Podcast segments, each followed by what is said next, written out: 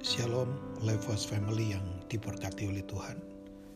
Dalam Daniel pasal 6 ayat yang keempat, Alkitab berkata, Maka Daniel ini melebihi para pejabat tinggi dan para wakil raja itu karena ia mempunyai roh yang luar biasa dan raja bermaksud untuk menempatkannya atas seluruh kerajaannya. Dari apa yang kita baca, Bapak Ibu semua, kita tahu bahwa kalau ada orang yang jadi negarawan di tanah asing atau di negeri lain adalah Daniel. Sebab dia ada di daerah penawanan sejak dari Babel sampai Media Persia itu hampir kurang lebih uh, 70 tahun ya 70 tahunan karena dia waktu itu ditawan dari Yerusalem ke Babel oleh Nebukadnezar di usia kira-kira 12 tahunan 12-13 tahun dan kemudian dia ada di sana sampai usia 83 tahun. Ya. Nah, yang luar biasa, walau dia ada di negeri asing, dia itu berdampak luar biasa. Ya. Memang eh, kalau kita lihat di perjanjian lama, ya bicara kerajaan Babel itu buat Yeremia dan Yeskiel yang waktu itu ada di masa seperti Daniel juga, cuman beda usia karena Yeremia dan Yeskiel lebih tua daripada Daniel, itu menganggap bahwa Babel, kerajaan Babel itu adalah netral. Justru Babel ini dipakai jadi alat untuk menghukum orang Israel karena mereka meninggalkan perjanjian.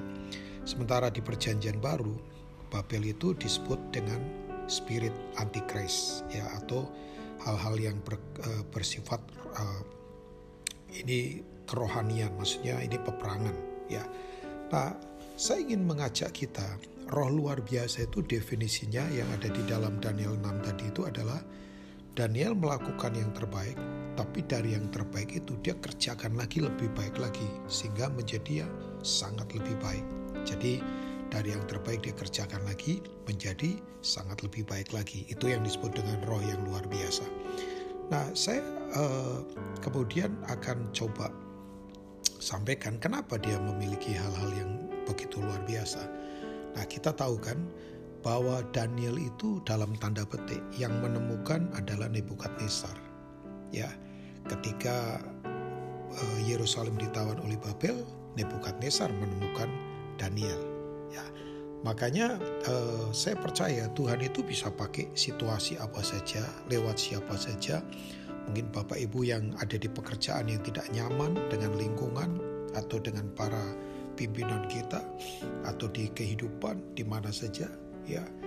Saya harus katakan ini bahwa Tuhan bisa munculkan Daniel Daniel lewat Nebukadnezar yang waktu itu memang menawan Israel ya. Bahkan yang luar biasa Daniel bisa menjadi mentor istananya Nebukadnezar mentor untuk keluarganya untuk menyatakan kemuliaan Tuhan. Jadi walaupun suasana atau situasi sering kali tidak nyaman di sekitar kita, ya bisa saja Tuhan pakai ya Nebukadnezar Nebukadnezar untuk menemukan para Daniel supaya berdampak luar biasa ya buat uh, nama Tuhan dipermuliakan. Sebab waktu itu para nabi palsu bernubuat selain Yeremia dan Yeskiel bahwa tidak mungkin orang yang tidak baik kok menaklukkan bangsa yang baik. Tapi kenyataannya Babel waktu itu memang jadi alat untuk menghukum Israel supaya mereka bertobat. Nah, yang berikutnya lagi, Daniel waktu ditawan itu ada di usia 12 tahun. Bayangkan still young, masih muda, bahkan masih remaja. Tapi yang luar biasa, walaupun dia terpisah dari keluarga, dia kemudian kehilangan fasilitas.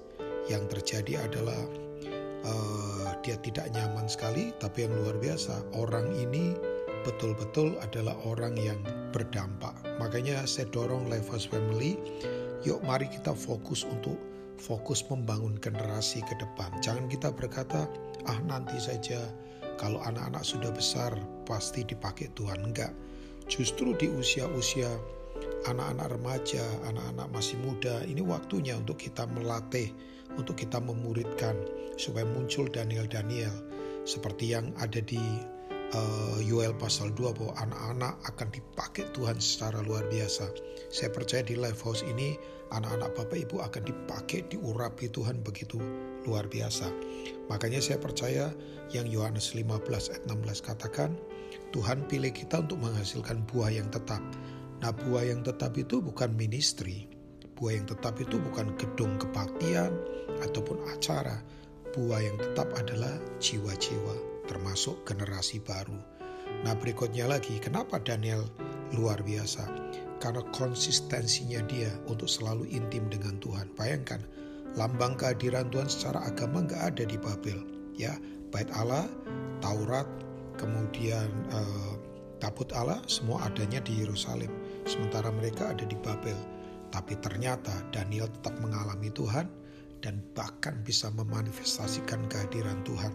Dan tidak hanya itu, dia memberi harapan buat 3000 tawanan lainnya yang ditawan di Babel untuk tetap berdampak dalam kehidupan. Tuhan Yesus memberkati kita semua. Amin.